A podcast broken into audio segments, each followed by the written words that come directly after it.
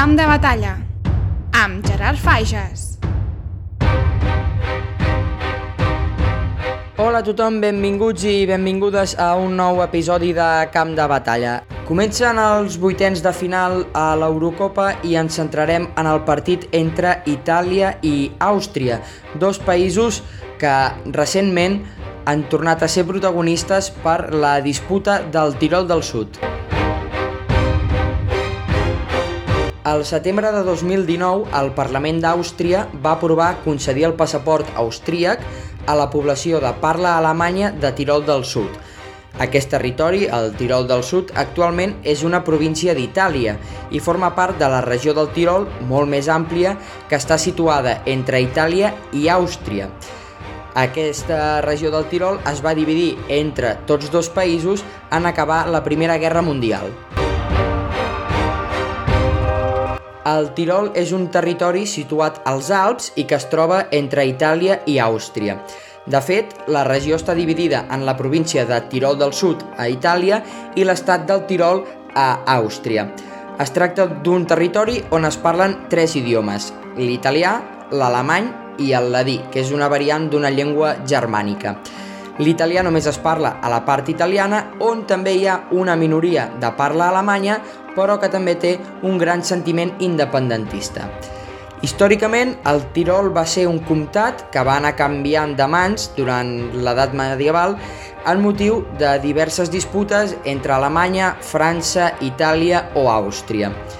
Després de diverses separacions del territori, el Tirol es va reunificar el 1814 i va passar a formar part del regne d'Àustria i, per tant, més tard, part de l'imperi austro-hongarès fins a la final d'aquest mateix. Durant la Primera Guerra Mundial, el Tirol va tornar a viure diverses disputes entre Àustria, Alemanya i Itàlia per repartir-se el territori. Àustria volia conservar-lo, ja que formava part del país, mentre que Itàlia reclamava una part del pastís i Alemanya feia el mateix amb aquelles regions de parla alemanya. Finalment, però, qui va sortir guanyant va ser Itàlia. L'imperi austro-hongarès i l'imperi alemany van perdre la guerra. Àustria, que era qui tenia el domini d'aquesta regió, va veure com el Tirol es dividia. Una part es va mantenir austríaca, que és l'actual estat del Tirol, mentre que la zona sud es va annexionar al Regne d'Itàlia com a Tirol del Sud. Amb l'arribada al poder del feixisme de Benito Mussolini, en el període entre la primera, d'acabada la Primera Guerra Mundial i abans de la Segona, el Tirol del Sud va viure una forta persecució. Primer, es va imposar l'italià com a idioma únic i oficial, quan sempre havia sigut l'alemany o s'havia mantingut eh, italià i alemany, tot i que l'alemany era majoritari, i més tard es va començar a castigar i a perseguir encara més tota mostra de cultura o d'idioma de parla germànica. A més, els feixistes es van inventar el nom italià d'Alto Adige per batejar la zona i substituir el concepte de Tirol del Sud, ja que era, el nom era originàriament alemany. Avui en dia, la regió manté les dues denominacions, Alto Adige en italià i Tirol del Sud, i totes dues són cooficials. Amb l'esclat de la Segona Guerra Mundial, l'any 1939, Hitler va haver d'entendre's amb Mussolini per tal d'establir la frontera entre Itàlia i Alemanya. Tot i la persecució que havia patit l'alemany al Tirol del Sud, Hitler i Mussolini van pactar que la regió romandria a Itàlia, però van donar una opció a la població de Tirol del Sud que parlava alemany.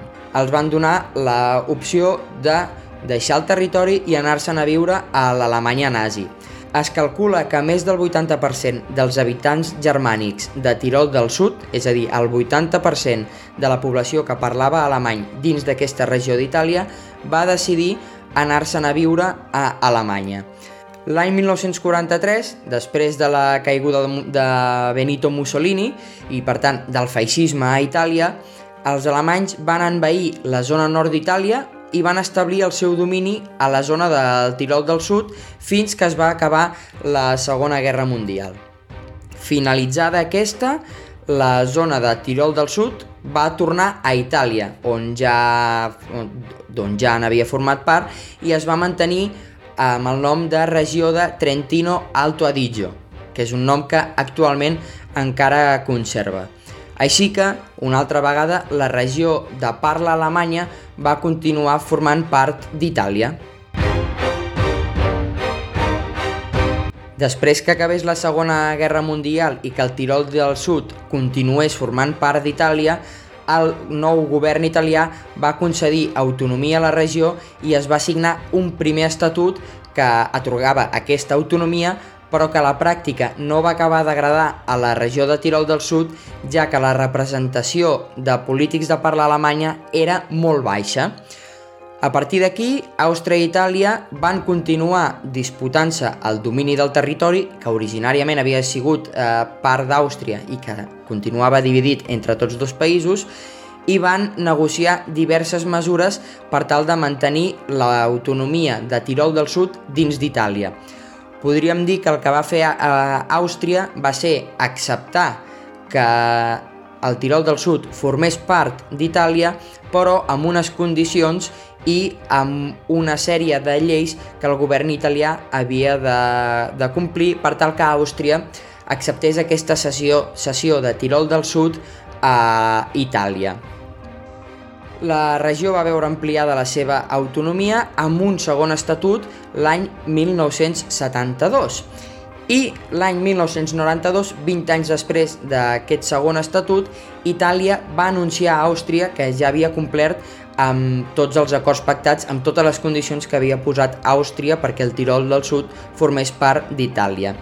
Després que els polítics, tant del Tirol del Sud italià com del Tirol austríac, ho aprovessin, el govern d'Àustria va anunciar el final de la disputa entre tots dos països i per tant es va acabar de moment eh, aquesta disputa entre els dos països quan Àustria va acceptar totalment que Tirol del Sud formés part d'Itàlia. L'any 2001 es va aprovar un tercer estatut que va ampliar encara més les competències i l'autonomia del Tirol del Sud a italià i a més va suposar l'acceptació del nom tant en italià com en alemany de manera oficial, que és el nom que té ara mateix la regió italiana del Tirol, que es coneix com Trentino Alto Adigio o Sud-Tirol, és a dir, Tirol del Sud en alemany. Tot i les significacions d'entesa entre els mandataris d'Àustria i d'Itàlia, la integració de totes les regions del Tirol en una sola regió europea reconeguda, la regió europea del Tirol, ha provocat aquesta unió de llaços històrics entre el Tirol austríac i l'italià que creixi un sentiment nacionalista i molt in, amb un gran sentiment nacionalista a la zona i molt independentista a la part italiana. En els últims anys, l'arribada al poder de la dreta a Àustria ha accentuat encara més aquest sentiment nacionalista del Tirol. La proposta austríaca del 2019 de donar el passaport als italians de parla alemanya del Tirol del Sud va generar alarma a Itàlia i a la resta d'Europa davant del possible despertar d'una disputa de territori que pràcticament té el seu origen en la Itàlia feixista i posterior a la Primera Guerra Mundial.